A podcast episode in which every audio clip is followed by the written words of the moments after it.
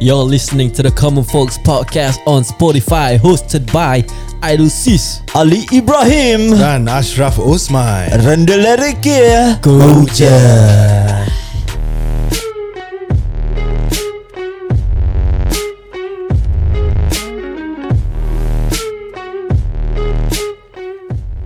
Eh yo, selamat kembali ke podcast The Common Folks. Yeah. Dah lama What's kita up hilang. guys So what's up? What's up? Dah lama hilang dan aku pun semalam uh, baru celebrate birthday aku. Yeah. Happy Sing and choir lah. birthday to Yeah, you. yeah, yeah. Happy birthday to you. Yeah, yeah. Happy birthday to us. Happy birthday to you.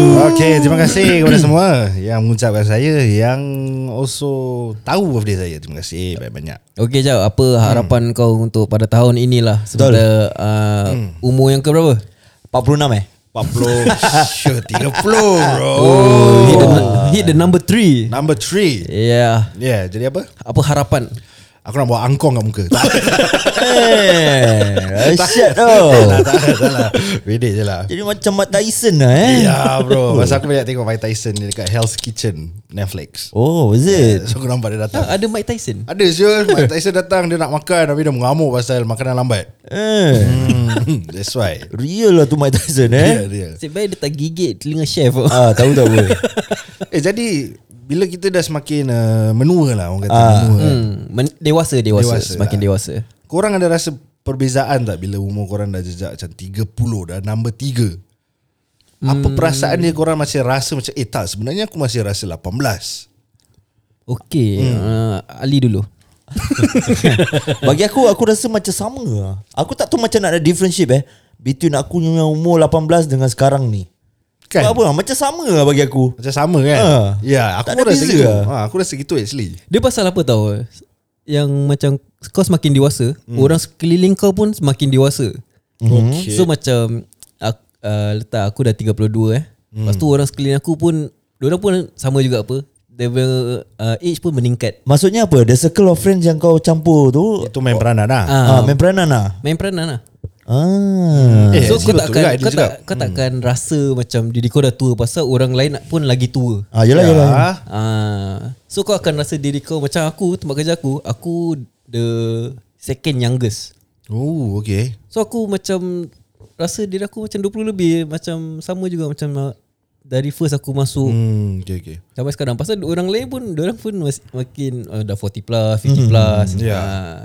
Ya betul lah Adil cakap kau Pasal aku boleh nampak Macam dulu kawan-kawan aku Macam dulu kita bawa motor sama-sama Betul. Terus tengok Wah semua kira dah ada rumah Dah bawa kereta Ya. Jadi macam nampak Oh okay Kira kita macam makin meningkat Habis kita dah ada Achieve something in life Cuma difference dia bila kau dah kahwin, Aha. Hmm Kau achieve in something lah. kau dah dah ada isteri. Lepas Hmm. tu bila kau dah ada anak, ah kau, ah. kau lepas tu bila kau tengok anak kau tu dah makin besar. Hmm Ah, then baru from there maybe it will hit you lah. Ah, betul, Oi, betul. Hmm. Aku dah Okay. semakin, Bila anak kau dah masuk primary school ke secondary school ke, ah, then macam eh anak aku dah besar eh. Mm-hmm. Ah, Jadi kau rasa tua lah Bila kau tengok anak kau dah besar macam dah memang pasal tua me, tua tu memang lah. Okay. Then from there then baru kau macam eh aku kira dah dah ada certain age lah. Ah ya ya. ya. Yang kau dah rasa okay time to change a bit lah. Hmm Tone down ke apa ke. Ah. Change a bit tu dalam segi apa?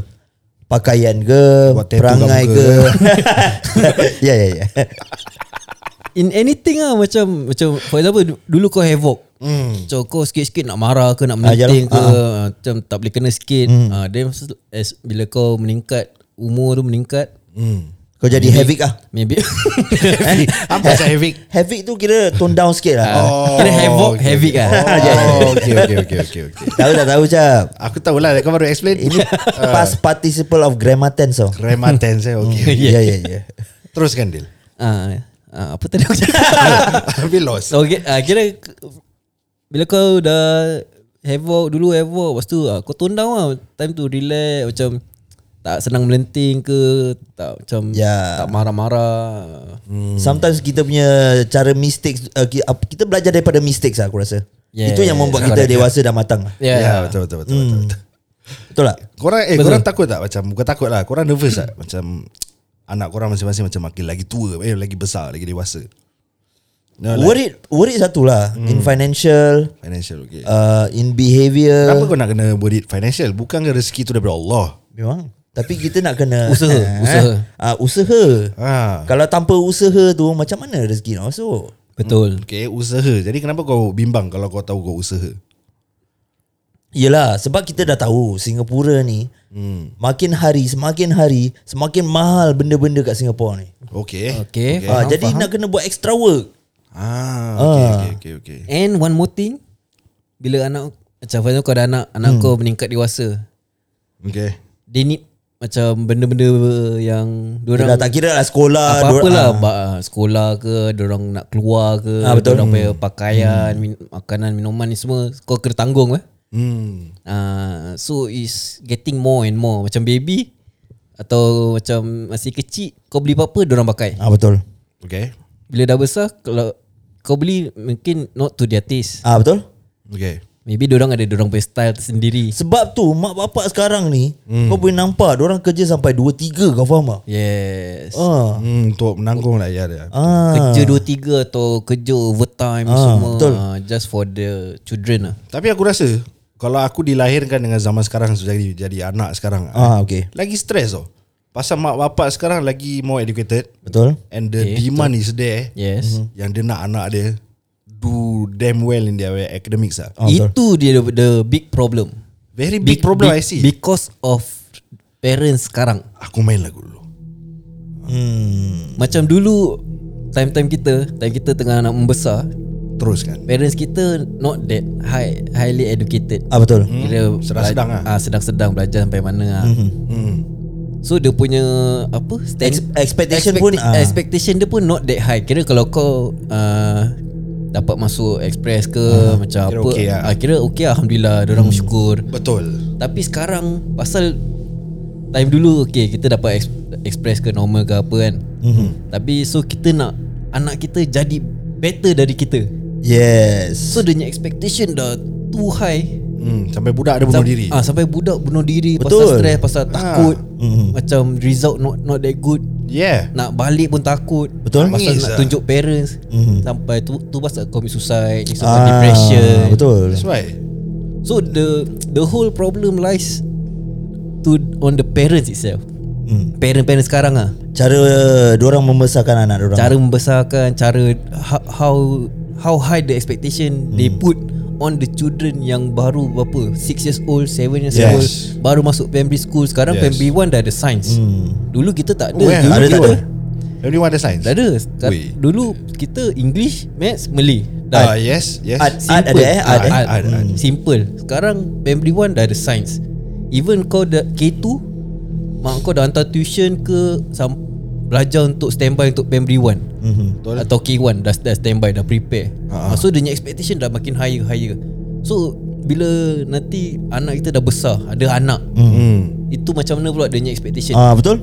Lagi gila babi Tapi lah. bagi aku eh, kalau boleh stop comparing lah. Aku rasa Ah. kompetitif bro. Ah very competitive. Ah, Ah, kira kalau macam, boleh eh. mak mak mak mak mak bapak-bapak sekarang ni kalau boleh start stop to compare lah. Okay, aku kasih kau contoh. Hmm. Sekarang budak kecil dah tak rasa dia kecil, dia nak kena pergi sekolah. Okay. Hmm. Yeah. Bila kau first pergi sekolah? Hmm. Kita mula dengan ideal tu. Kau, uh, kau masuk K1 ke K2 macam mana? K1 K1 lah K1 tu umur berapa? Ke before Before K1 apa Playgroup eh Playgroup nursery bagai lah. Tak aku rasa K1 lah Kan? If I'm not wrong K1 That Sama means dengan 5 years old Ah, sama dengan aku. aku. Aku pun K1. Jadi daripada zero, eh, daripada kau beranak tu, hmm. sampai kau lima tahun, Kau duduk rumah kau rasa budak lah. Ah, Ah, betul. Kau buat apa kau nak, kau Main. belajar boleh English, Malay sikit-sikit kan. Tak belajar pun Kira from that that age kan. from that age tu kau kau start to learn something tau. Pada aku learn moral instead of academic Yes, first. Like how the correct. Mm. Japanese is teaching their kids. Ah betul. Moral, discipline, uh, how to be polite with people. Yes. Uh, so kalau anak kau academic well tapi mm-hmm. moral dia fucked up. Hmm. So buat apa saya dari pelajaran dia Ya. moral dia Mm. Ah, fucked up. correct. Ah.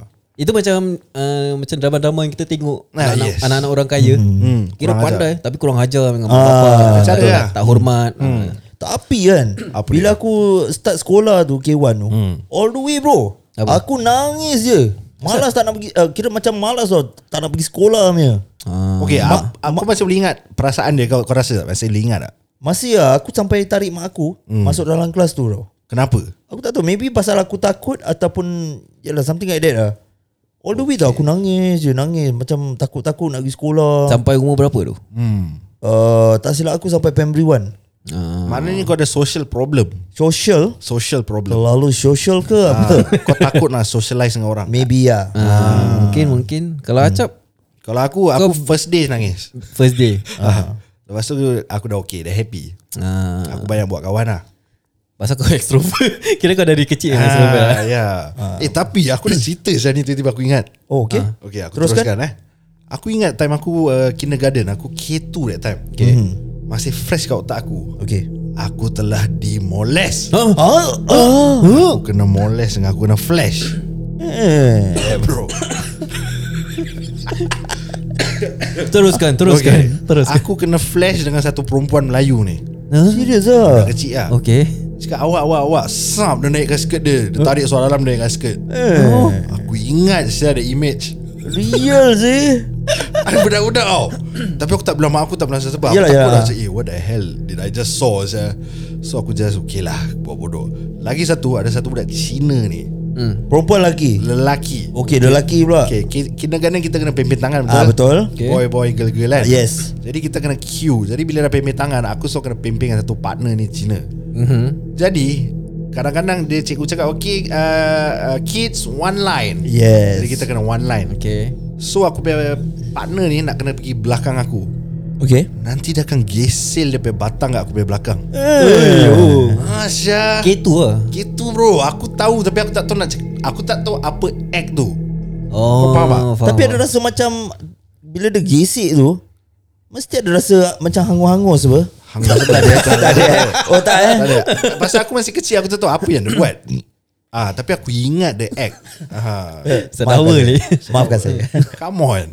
Jadi aku ingat apa yang dia buat. Hmm Okay, Dahsyat, okay eh? kalau kalau Dahsyat. Ali time kindergarten d- selain kau nangis tu, apa yang benda yang kau ingat sampai sekarang yang macam really macam impact ah diri Tak kau? ada. Tak ada. Tak ada Kau ada potong kek tak? Birthday cake kat dalam sekolah? Tak ada Tak ada? eh? Tak ada aku tak ada Lu kesian pun. Ah, sebab aku dulu kira all the way aku nangis habis tu balik balik sekolah balik terus.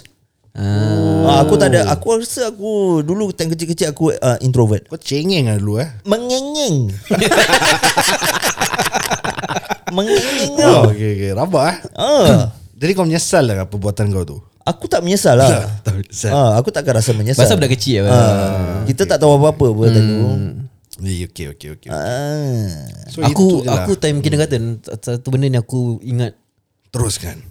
aku aku time kecil aku malu tau. Aku okay. punya pemalu level lah. ekstrim punya. Kira muka merah punya. Aku merah punya. Okay, sepak merah. Even sampai aku nak pergi Aku sampai nak pergi toilet Nak kencing nak pergi toilet hmm. Pun aku takut tau Aku nak tanya cikgu Eh, sure lah. Oh, sampai ke Ah, sam- tahap tu, sampai eh? tu, Wow. So aku that time Time K1 ke K2 lah Aku nak terkencing Hmm. Okay. Tapi aku takut nak bilang Eh? Hmm. Macam nak tanya cikgu Aku nak pergi toilet tau Okay. Aku tahan tahan tahan Sampai tak boleh tahan Aku kencing kat seluar Oh, Eh. Malu tau Dil. Aku ma- Malu tapi Tapi bila kecil-kecil mana lah tahu malu saya. Aku Eh tahu. tahu tahu Tahu tahu ya. Oh. Pasal kau kencing kat seluar apa Oh, yelah. Ah, Orang semua pergi toilet Habis kau kat Tengah duduk Habis kencing Oh, kat seluar Yeah, you know it's wrong. Dah tu, dah tu tak apa Habis aku dekat kerusi kan Hmm. So lantai semua dah basah tau Insya-Allah Dil. Lepas tu Semua dah Jahat, tengok jahat. kau ah. Tak tak Kira orang tak perasan Oh. Masa aku tengah duduk Terus kencing Aku dah Okay. tak boleh tahan tau Terus Ah. kencing Hmm. Lepas tu terus dah time nak balik Habis aku punya area tu Lantai basah kan Hmm. So tengah beratur Intus ni semua Terus satu budak Cina Eh you Eh you uh, You shishing your pants ah Hmm. Tahu kau je Ha? No lah no lah Habis satu perempuan Backing saya perempuan Budak Melayu Oh, dia suka kau ah. Aku tak tahu lah Okay, okay. Dia, dia, back, Crush dia ah. kira backing Backing aku Pasal aku diam je tau Ya. Lepas tu dia backing Dia cakap No lah this one His wat- water bottle The water drop lah Wah, sweet Terus aku, Zul. terus aku Wah. macam Aku ah, okay, lah, Melayu kau, kau, lah dah, tu. kau dah cakap gitu Okay aku buat bodoh Aku jalan Ah, ya.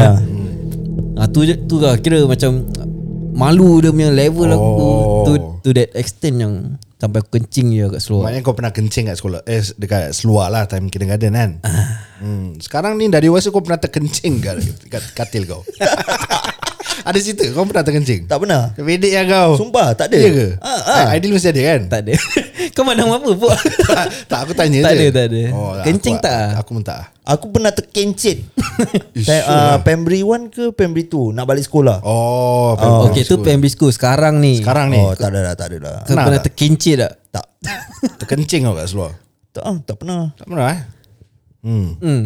Kalau terkentut Kali Kentut normal lah Tai terkeluar Eh robot saya tu Tak pernah eh Jap eh Tak pernah Tak pernah Tak pernah Jangan tau Jap Tak tak pernah, tak pernah. Kalau orang tahu malu, Malu dah. dah, Eh? malu. Sedih. Tak kira kalau pernah Tapi cakap tak pernah Ya, ya, ya, Eh, ya, ya.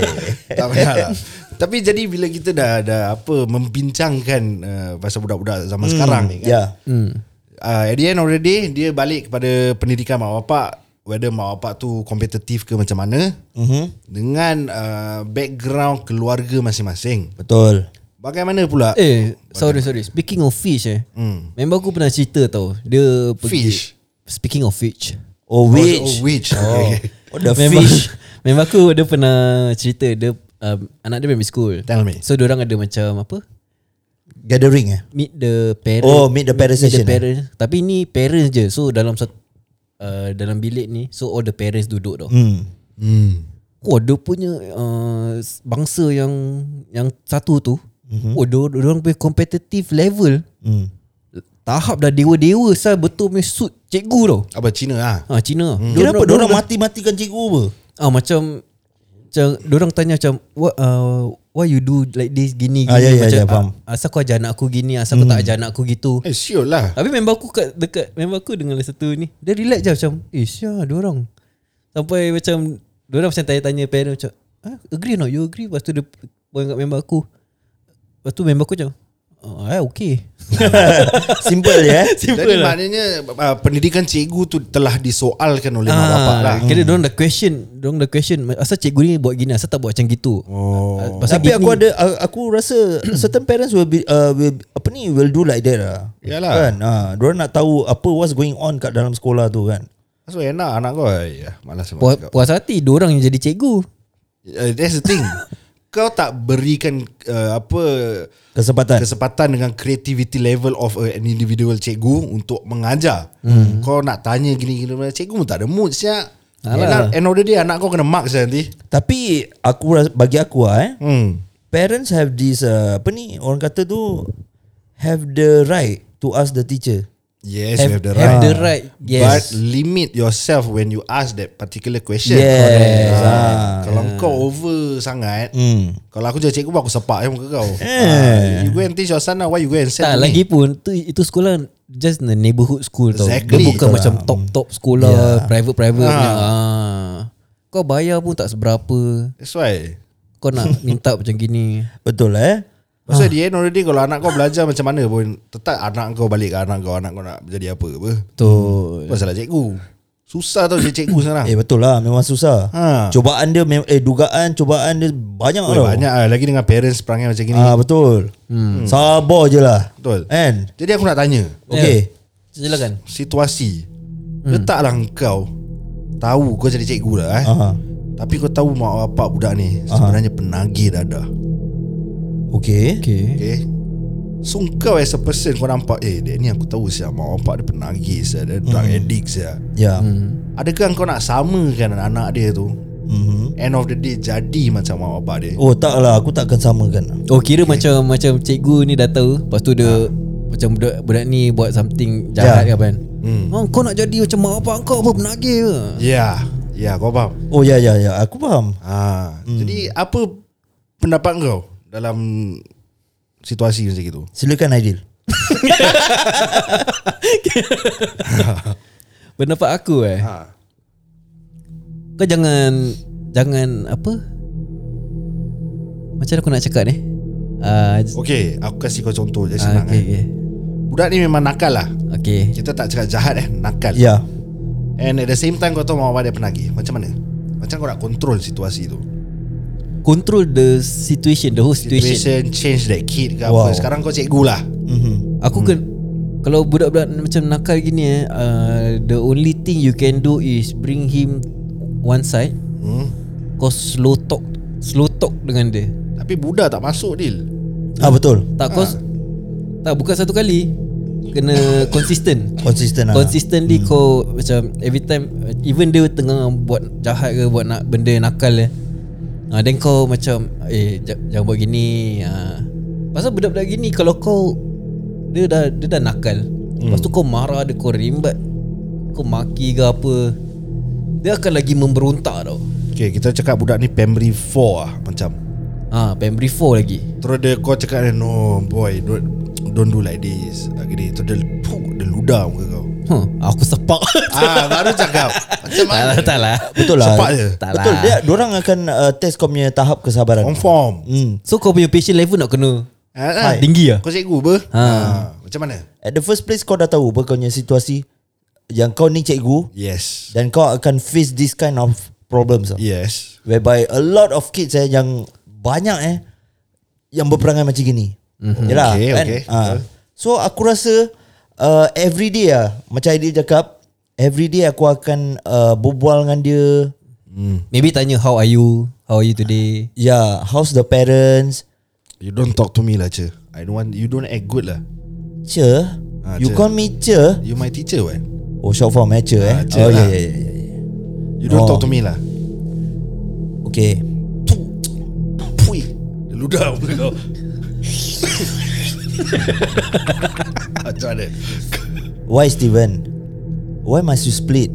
Split Speed Uh, speed split, uh, Ah. split, split. Macam mana nak jadi cikgu ni? Dia dah jalan Dia dah jalan Kira kau bawa seorang Steven, come here back.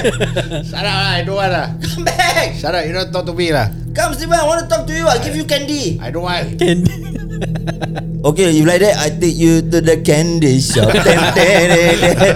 Mama shop. Tonton lah Dia dah ludah muka kau Wah, aku akan sedih tau. aku akan sedih lah.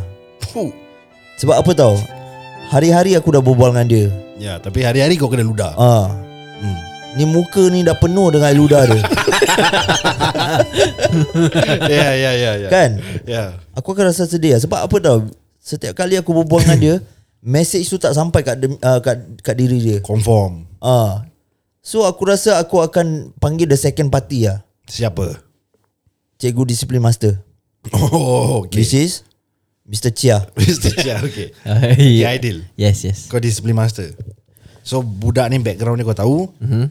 Cikgu Ali Yang I mengajar Melayu di kelas 3 tu Hmm. Yes. Hari-hari dah kena ludah Yes Jadi bagaimana Apakah kau punya Decision making kau tu Mr. Ali What what happened actually No Mr. Chia you listen here mm-hmm. I already talked to this boy okay. Okay. His name is Steven uh-huh. But he never listened to me Every day I try to you know Talk to him You know Give him uh, give him the solution Shut up Aceh You see you see You see Mr. Chia Steven Steven I say wait Wait Why are you spitting on Mr. Ali I don't like him You wait You wait Later I will talk to you I, will, I want to talk to him first okay Ludah muka kau Dia ludah muka kau ah, Korang dua dah kena ludah Macam mana uh, Terus aku Marah, Tak, marah. tak, tak. Terus aku buat announcement Ding ding ding All classmate All class Please proceed to the hall right now Buat live caning ah. Oh Tapi kau bukan disiplin master Mana kau layu Mr. Chia discipline master apa? oh, Jadi kau akan suggest kat Mr. Chia Ah. lah Okay Mr. What Chia life gaining ya. So budak ni kena kian lah Dia orang dia Apa Apa-apa Steven ni lah Oh yeah Kening lah gaining. Ke- Ken ke- lah. Kening dulu Lepas tu macam Dia tahu yang Okay kalau dia buat something This is the uh, Punishment lah Punishment. Okay After the punishment Then baru kau macam Duduk dengan dia Tanya dia Actually what what is What is your What is your Problem okay. Okay Ikut pengalaman aku Caning Aku dah banyak kali kena caning Tapi masih membuat lagi eh. Oh. Masih membuat public caning pun aku dah kena Okey kalau macam Hmm. gitu, kalau discipline master, principal semua tak boleh take it kan. Hmm We send him Where? for counselling. Lagi tak load Kenapa pula? Tak load. Aku kat sini saya Aku dah mengalami ni semua Eh. okay. Kau cakap dengan aku apa Caning Gua dah kena Public caning Counselling kat sekolah okay. Mhm. Polis Semua dah kena Okey jadi kau bilang kita macam mana apa yang membuat kau tone down? Salah salah Okay Apa yang buat kau Makin Memberontak Ah memberontak Be- Ah, betul lah. before kau tone down. Ya ya ya, ya. Hmm. Jadi Cikgu Ali dah tak boleh take it Hmm. Disiplin master pun kena ludah Okay. Mr. Chia pun Dah cane dia Jadi yang turun siapa tau Siapa? Head of uh, MOE punya counselling Okay. okay. Mr. Ashraf Uh, Mr. Ashraf ah. Ya. Yeah Uh, uh, this boy Steven ah because Okay. Mr. Ali always complain about him ah. Because Mr. Ali try to talk to him, Okay but every time every every time he try to talk, this Steven ah will spit on his face. Okay Call Steven now Come Ask him to meet me Paging for Steven, paging for Steven. Yeah Please proceed to the principal ro- uh, room right now. Ding ding ding. Yeah Yeah, what you want? Okay Steven Take a seat Kena ludah juga. You spit one more time I tell you ah, You will get expelled You better sit down You sure or not? You shut up You better sit down I always spit at Ali- uh, Mr. Ali face, you know. Because he is a spitting face, that's why you sit Oh, is down. it? Bastard lah. Kira aku master. Ah, Kira. Okay, you sit down. Sit Okay. down. Okay, okay, okay. Cher. You smoke. No, cher. Eh, why you never smoke? You like to spit, but you never smoke. Ah? No, cher. I always, I only like to spit only.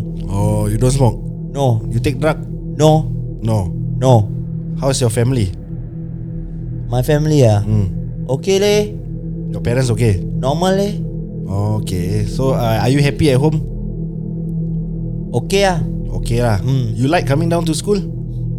Sometimes Why? Okay. Sometimes meaning there there is a percentage that you like. Why? because I come here, uh, come to school, I want to meet my friend. Oh, your friend. You got a lot of friend. Yes. How many? In your class? Different class? Where I come first ah. Hmm. Atuk bodoh. I chong I sing and then si ba di di wala ni ni. I got three friend only. Oh, three friend. Kira lama. Kira- kira lama. Banyak nama keluar Three tapi friend Okay lah Very easy lah Steven I come here just to do my job You also come here to do your job You tell me why you don't like I can help you Tell me I don't like Mr. Ali. He always n- like to nag at me. Okay Then why Mr. Chia also you spit at him Why? I think I got this symptom whereby I like to spit at people. Okay I tell you what Tomorrow you come to school Beside your class Your desk ah I give you one bucket Okay? Every day you spit at the bucket Okay. Then you bring home Rabak eh. Kira berat Berat Dah dah bawa ah. sampai kering Ya. tau. Tak adalah Senang je nak tackle masalah ni Okay. dia minat apa itu je kau kena tahu Oh, Hmm. Mina. minat Okay. itu yang first trigger budak apa masalah dia dalam sekolah Hmm. jadi kalau cikgu-cikgu yang mendengar sesiapa ni uh ini aku kasi tips Hmm. aku bekas guru dulu Mm-hmm. dah banyak sekolah aku dah ajar ini dia punya trips lah trips dia punya tips minat budak tu apa Oh. kau tackle dia punya minat tu apa baru kau boleh go on from So there has the uh, has a teacher kau nak kena tahulah macam nak tackle problem yes. ni Yes. semua mm. eh. Hmm. letak contoh dalam kelas kau ada 30 budak Okay. Engkau dah cukup mengenali individual budak tu dalam singkatan masa mungkin 4 atau 5 bulan. Hmm. Hmm. Okay. Okay. Lepas tu bila kau dah dapat tahu kau target mana yang nakal, mm-hmm. mana yang datang memang nak belajar yang tulis notes sebagai. Yeah. Ha, siapa yang selalu tak fokus. So tak fokus ni ada tiga sebab. Okay. Dia tak minat, dia memang suka daydream atau dia ada problem memorizing atau picturing whatever that you have taught. Okay. Mm-hmm. Ya, itu tiga. Okay. Okay. Silakan. Okay, that's that's a good tip Ya. for yeah. for uh, educators out there yang sedang mendengar ke apa kalau macam korang nak tackle budak yang nakal dalam kelas. Okay. Hmm, pasal aku nakal. Okay, le- sekarang kita tukar. Okay. Secondary school eh. Ah, actually Korang- secondary school lah aku cakap dia. Korang cikgu. Lepas tu sec 2, satu budak sec 2 datang. Mengandung. Ah, Eh, ti- jadi ti- Syul. teacher. Eh, Dah dia sekolah datang, aku dia ada, datang. sial. Teacher, I pregnant. Ah. Macam mana? Uh, Ali Ali lu Ali. Aku aja aku. lah. Yalah kau tengok aku. You sure lah. eh. Oh, kau tak pernah kena ke? Serius serius. Okay, on the serious note sekolah korang tak ada perempuan pregnant. Ah. So far aku tak pernah sih dengar. Aku tak tahu ada ke tak Maybe ada tapi diorang tak Diorang disclose this case tau Hmm Sekolah aku every single 4-5 month mesti pregnant punya Eh Confirm Is you lah Tiba-tiba eh mana eh muka dia ni eh Perempuan ni tak datang Dapat tu pregnant So far So far yang Time batch aku Every time semua datang sekolah Hmm Tak tahulah Macam umur-umur lain Wow Kalau betul-betul dia datang kat aku Diorang dia cakap dia pregnant Tapi kenapa nak kena pergi kat cikgu Maknanya kalau dia pergi kat cikgu Dia rapat dengan cikgu tu Yes je. okay Letak Ah. letak kau rapat Kau macam cikgu yang girit Okay Mr. Ali Ah, Mr. Ali ni kira Mr. Ali ni kira girit punya Dah macam Melayu je lah ah. Ayalah Okay So so perempuan uh, Budak perempuan ni datang hmm. uh, Mr. Ali uh, Saya pregnant lah What? Kau tak boleh gitu oh, tak boleh. Kau tak boleh terkejut Kalau kau alarm Dia lagi alarm uh, oh gitu lah ha, Lepas tu kau beli alarm clock Hmm. Sorry are you pregnant? Who's the boy? Ah. hmm, Sama dia uh, The The Actually it's you up. Kira kau The Sec 4 boy lah Me? Actually it's you Aku tak tahu apa dia buat Ah, ah, Sial lah Ali Terus kan Is it from your classroom? Eh, you're from your classmate? No uh, The sec 4 boy lah Who's the sec boy boys? From your classroom Rabak lah eh Sial lah, Ali Ada Sorry sorry sorry Okay okay oh. Is it one of your classmate? No? No no uh, Is the uh, The sec 4 boy lah Who's that boy? um, Murad Murad lah uh, Is he in school right now? uh, Yeah but But he don't want to Talk to me After I tell him Never how, mind. are- how are Mr. Ali I, Am I? I will call Murad to come here. I, I, I worry uh, Mr. Ali You don't worry. I'm here to protect you. Abah, oh. I'm here to protect you. Habis apa kau buat? Ha? Apa kau buat lepas tu? Panggil- Balik ah. Panggil Aku akan panggil Murad. Okay okay Murad datang Murad, Ah, ya cikgu apa kau dah buat dengan ni budak? Budak mana eh? Ni Siti ni. Saya besok N level cikgu Apa yang besok enable? Sekarang saya nak tanya awak ni. Kira happy yang murah Murah happy aku lagi Eh cikgu saya nak start bola ni Kejap lagi Kita ada tournament Cikgu yang cakap dengan saya Bola suruh lah menang. letak tepi dulu. lah. Ha. Sekarang nak tahu ni. Ni perempuan ni, dia dah Okay, bilang cikgu kau. Yang tim yang kita nak fight ni Ha. Apa dia punya strategi Kalau cikgu Okey, rasa ah, kita main 4 4 2 eh.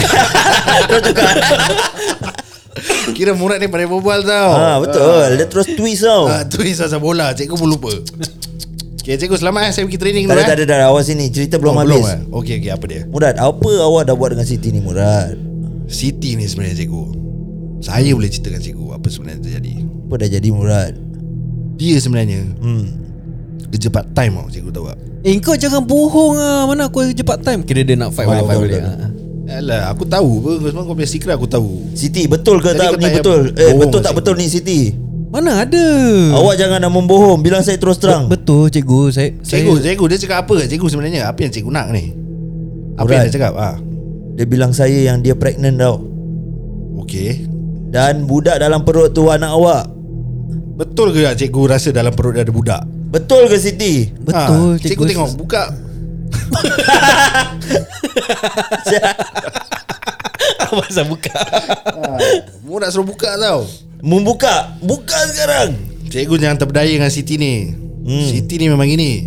Dia dah bawa jantan dia keluar. Eh Bukan saya je. Cikgu Cikgu Saya striker tau Cristiano Ronaldo. Kenapa kena Kira masih nak twist ah, Murad kira gila bola. Ah, yelah, yelah. Ah, dia gila fame. Ah betul lah Teruskan. Siti awak ni kerja apa ni sebenarnya? Dia cikgu malam-malam dia ikut kakak Eh dia. kau apa kau Jangan aku merepek tahu. lah Sial lah. Aku dengan Zuraimi semua jalan kita tengok kau tau. Eh kau apa Kau ada bukti Tak Ada, ada, Apa ada. mana tunjuk lah Sabar sabar Kat rumah. Murad. Kat rumah jangan Sabar, berbual Murad. sekarang Siti Sabar Siti Cikgu dia Tak ada, ikut tak ada, kakak tak ada. dia pergi kerja kat KTV cikgu. Mana ada dia, dia tak ada bukti apa cikgu Dia baru sec Cikgu two. Cikgu percaya ke cakap Murad ni Dia Mesti dah, lah percaya. dia dah Dia dah selalu kena caning Bawa banyak trofi saya dah kasih cikgu. Pakai bola. Bawa banyak trofi. Cikgu bawa banyak trofi yang cikgu cikgu dah dapat. saya dah tak nak main bola cikgu gini. Merajuk tau Cikgu cari lah striker lain. Siti Awak terus terang dengan saya Apa cikgu Malam awak ada pekerja part time eh? Mana ada Murad ni yang buat cerita Cikgu kena faham Saya kat rumah uh, Bapak saya sakit Nak kena jaga Habis mana ada saya ada time Nak keluar ni semua Tak ada bohong Cikgu, cikgu percaya ke cakap Murad ni dia, Sudah, eh, dia, dah, Siti. dia dah selalu kena caning Public caning Siti Ah. bilang Ah. cikgu Bola nak start je Cikgu Murad sabar eh hmm. Siti bilang cikgu Cik, Cikgu Awak tahu kan Cikgu ni suka si- simpan secret Yelah Bilang cikgu Pasal apa Bilang apa Pasal apa awak kerja part time Saya tak kerja part time Okey, cikgu. Murad ni bohong Saya tanya cikgu satu soalan Oh. Hmm Cikgu penting dengan trofi ke Siti? cikgu jawab Cikgu jawab sekarang Sebenarnya trofi Ah, okay. Kan? Jadi kalau trofi Nari final ni Final cikgu Kita fokus kat trofi Siti jalan dulu Dah lah Siti Awak banyak songi ya Cikgu eh, Cikgu Yes Kira Terus jalan, terus jalan. Terus dia jalan nangis-nangis Eh. Ah. Oh aku suka kau jadi cikgu eh Senang serang ambil hati Ah. kau Betul. Pakai bola je Pembuat Nanti- trofi Nanti final Eh tapi kalau betul hmm, Si Siti ni kerja part time Malam Kira let's say macam Jadi kupu-kupu gitu Hmm. Apa kau akan buat Sekejap Sektu jadi hostess eh oh. Ada ke? Kita tak We never know what Hmm. Ah eh kau dah make up ke apa kalau badan dia memang Sekarang besar. dah, ah, Sekarang tak ada Sekarang dah Kira dah pregnant tau Datang sekolah Eh aku punya sekolah dulu ada Terus terang ada Ah, Orang pregnant Maknanya dia tak datang sekolah dia tak kalau- datang lah. ah, Tak datang Kalau datang perut besar saya. ah tu lah So sekolah Suspend dia hmm. Until whether dia buang tu anak Ataupun dia give birth Dan dia patah balik sekolah hmm. Hmm. So ada yang apa aku tahu Sekolah aku Kebanyakan Perempuan yang dah pregnant Sek 3 gitu Diorang berhenti sekolah Berhenti lah Berhenti Hmm. So diorang lahirkan anak tu Then probably start kerja lah Long John Silver ke Tapi okay Let's say kalau macam Okay Kawan McDonald baik kau ke. lah eh Sek 2 KFC ke Ah ya yeah, Burger King ke Ah, Let's say kawan kau hmm. Kawan baik kau perempuan Datang tempat kau hmm. Habis tu dia cakap dengan kau Cacaf Yang cacap Okay Kawan baik apa? Okay. Cacaf Sambung Eh Aku pregnant lah Cacaf Eh sial lah Nur Gila sial kau Nur Sekarang macam mana ni? Siapa kau pergi mantat Mak aku Patutnya siapa yang mantat aku Apa Siapa Siapa yang lagi Ada lah Main kau ni Eh Caf ada lah Caf Tapi yang penting ni sekarang ni Aku nak tahu ni Sekarang macam mana ni Apa aku nak buat Mak aku semua tak tahu hmm. Macam mana eh Ah, Okay aku tanya kau Kau nak Simpan anak tu ke Kau nak buang anak tu Aku kalau boleh nak simpan lah ni anak Kan berdosa kalau buang Kau dah berzina Dah berdosa Hmm. Eh Nur Kira, kira member dia dah datang Oh, dah ada, Member- ada. Member dah datang Eh Nur Pak cakap nak pergi makan Uh, tak apa kau pergi makan dulu. Aku nak berbual dengan Cacaf ah. ah, Eh ada wia nanti nanti Adawiyah. eh? Alamak Adawiyah. Ah, okay, okay, aku cuba kat kantin lah Okey okey Okay, okey. okay, okay, okay. Eh Caf sekarang macam mana ni Caf? Sibuk betul ada wia tu ha. Apa dia Sekarang ni macam mana ni Caf? Okay tu pasal lah Kau nak simpan kan Budak ni kan Ah, ha. Kau dah check dia boy ke girl belum.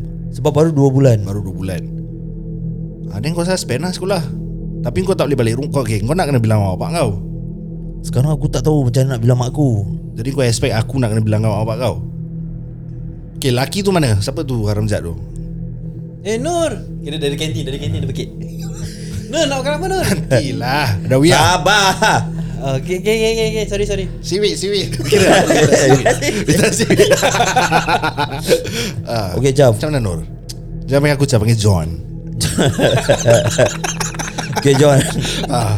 Ni budak kira sekolah sekolah budak sekolah lain ah. Oh kira suka sama suka Lu sama Ah. mantan Sekarang lu punya anak ni Lu nak kena jaga lah Ah. Jadi Aku punya cadangan Kau bilang mak abang kau Mesti kau kena sebat Tak apa kasi no sebat Pasal kau dah buat salah Kau kena own it Selepas tu Kau suspend dia sekolah Kira jangan datang sekolah. Tak boleh lah Kau nak datang dengan perut Macam mana gini susah ni Caf? So is either two choice Kau buang Tapi kau berdosa Kau zalim budak Kau pembunuh Sampai mati kau jadi pembunuh Betul lah. Ataupun Kau sacrifice kau punya studies Kau keluarkan lahirkan anak tu dengan sempurna InsyaAllah mak bapak kau akan accept kau Selepas graduate ni aku jadi ustaz Tak ada link Tak ada Alih-alih aku nak cakap pasal diri aku eh. ah, Oh tapi Acaf Asal Itu eh, lah. Acaf Eh Caf lah Apa dia? Acaf Kira kau dia tahu ke Kenapa dia pregnant tu ah, ah, Budak, budak sekolah kau tu ah, Kira kau tahu dia pregnant kan Tahu Eh actually kau punya situation yang kau buat ni Aku pernah kena Saya dulu kat sekolah Eh. Dia tanya aku macam mana Uish Sisa sama saya Macam mana eh Aku cakap sama lah Kau nak buang Kau dah Zalim saya kau buang So, So- so isi dia kau simpan lah Kira apa dia Apa dia punya decision Simpan Mak bapak Simpan, dia eh? sebab dia lah Eh. Ta- Tapi bopit lah At the end of the day Mak bapak dia pun Bila dah nampak baby tu keluar Semua sayang Semua dah tone down lah Then Hmm. Wah. after that That guy also is still a kid So he can't really afford to be a dad At that point of time Ya of course lah So Yalah Yang budak tu pun budak sekolah lain So just hilang macam gitu So dia just can co- carry on dengan hidup dia Tapi ada anak lah Okay Sekiranya kalau mak bapak Yang ada anak Yang sekolah secondary ni Sekarang ni hmm. Korang nak kasih tak advice kat uh, ni mak bapak ni? Apa yang apa advice korang nak kasih kat orang? Wah aku tak boleh kasih advice lah Hmm, susah lah macam susah, Susah kau nak sial jadi, ni. kasih advice. Ya. Pasal kita not Kita in tak that, kena Ya, kita not in that situation yet. Apa kata kau tak ideal Ah ideal. Letak contoh kalau dia Anak dia yang balik macam gitu Ah. Tapi Bagaimana kita, dia? kita akan doakan jauh lah kan Ah, yelah, yelah, Yelah, yelah. betul lah, Ah, betul lah. Ni semua contoh je Ah betul. Apa kau rasa Sekarang kau nak kena imagine Anak kau datang dengan kau Hmm. Dia dah sec 4 Tengah ambil O level Hmm. Dia dah pregnant Aku akan Eh susah. Ah betul eh. Ayah nak even nak cakap dah susah sah. Ya ya. Ya ya Actually ya I pregnant Pregnant. I pregnant 3 month already Siapa bapak dia? But I scared to tell you lah Scared lah. Siapa bapak dia? I don't know Why you don't know? I don't know Why you don't know? Why you don't know I don't know Why you don't know? I don't know who He just run away What the hell? Yeah man What? Tapi serius serius. Ah, serious Kalau ni. betul-betul macam mana tu deal? Serius ke Dil Hmm? Aku rasa mesti pening lu kepala tu deal. aku dia macam mixed feeling ah. Hmm. Kau sebar tak? Aku tak Aku tak Susah aku nak sebat Pasal Pasal Aku kira Anak apa Kau Aha. sayang anak kau apa To the extent kau nak sebat Pasal dia dah buat And anyway It dah terjadi So aku Tanya dia lah Eh aku akan Suruh dia simpan lah Just Oh so as a father kau akan So lelaki tu Sorry lelaki tu Ha? Kau tak cari lelaki tu Lagi tu aku Kira Dah lah jalan je lah Kau tahu siapa cari tak? S- Kau cari Ha. Oh, Eh. wow, eh. Aku, Adil cari aku cari Ha. Aku yang panas yang aku dengar Anak saudara Ah betul Aku apa? pun rasa juga hmm. Kan Bapak dia tak selit tak apa Ideal tak apa Aku settle Alih-alih keluar news dia Baik ya Acaf eh. 16 year old Lost his head And dick Eh. ah, ha. Buat slice punya Syah Dia punya pot- batang Nampak Hei Tak payah buat apa-apa Dahsyat eh. hmm. ha. Oh tapi kau akan uh, macam you know uh, akan kasih dia teruskan untuk menjaga anak dia. Terus Eh bayi tu tak bersalah apa Ya, ya. yeah. uh, is is her her mistake. So takkan kau nak buang Kira kau dah jadi akok ah. ha? kau dah jadi akok ah. Aku Aku? Atok Aku. Yalah, Ya, aku ya, lah. ya, aku ya. Correct.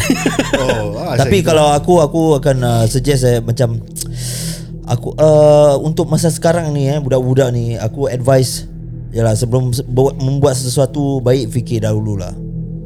Tak boleh bro Kau tak boleh advice bro Pasal ini Kau cakap Dia takkan masuk Oh, bro Tak apa lah. Yang penting ni aku nak advice lah kan. Okay Ah bagi siapa yang mendengar ni kalau mak bapak you know macam yalah ataupun perempuan masih single mau- sebelum buat sesuatu tu baik fikirlah dulu. The best advice is bukan anak dia dah besar. Time anak dia time tengah kecil, tu Kecil, yes. is how kau didik dia macam ajar dia okay yang ni salah, ni betul, ni halal, ni haram. Ah, Hmm. Okay, ya, ya, okay. Aku kasih kau contoh best ni eh. Okay. Macam mana kau nak avoid Sek tu Avoid anak kau Lelaki atau baik perempuan Jangan mantat ha. Macam mana Macam mana Okay anak lelaki Macam mana kau nak avoid dia goncang ah? Liu Chang ah. ah Macam mana Kau tahu apa Sek tu Dia ni mesti dah, dah fikir goncang eh ah, Macam mana Macam mana kau nak avoid Shorex goncang ah, Macam mana Sial lah Oh tapi kalau Susah bro Susah susah, lah. It's, susah. a, it's a very it's a very difficult Ah. thing until until that the thing happen. Ini benda mak bapak tak akan nak berbual sebenarnya Syah. Malu hmm. saya nak berbual Ah, betul lah, eh. Tapi kau nak kena Jump into that malu Nak kena tepis Nak kena berbual je. kira nak kena tebalkan diri lah eh. Tebal je Berbual pasal goncang Berbual pasal main Ah yalah yalah. Haram Ini nak kena masukkan usul agama Ah betul. Hmm. hmm. Kau cakap in in theory In English kan Diorang maybe boleh macam Terlari sikit otak Lagi sekarang macam Netflix ni semua Ya Yalah. kita uh, they, they are exposed to all this. Betul So TikTok je lah, so, dah so to give advice is a is very difficult. Difficult eh hmm. Pasal pada aku susah nak kasih advice Betul lah eh. Ya. Jadi guys, itu je lah apa yang kita boleh sampaikan. Hmm. Aku harap benda-benda yang gini tak akan terjadi kepada ke- Pada kita pada, dan korang Hmm, pada sesiapa lah, pada sesiapa. ah, Kita jauhkan doakan lah. jauh lah. InsyaAllah. Ya. Okay, mudah uh, untuk masa sekarang kita akan uh, pergi uh, for a break. Smoke break. Ya, yeah, small break. Kita akan uh, kembali ke episod kedua. So uh, we'll see you guys in a minute. Bye-bye.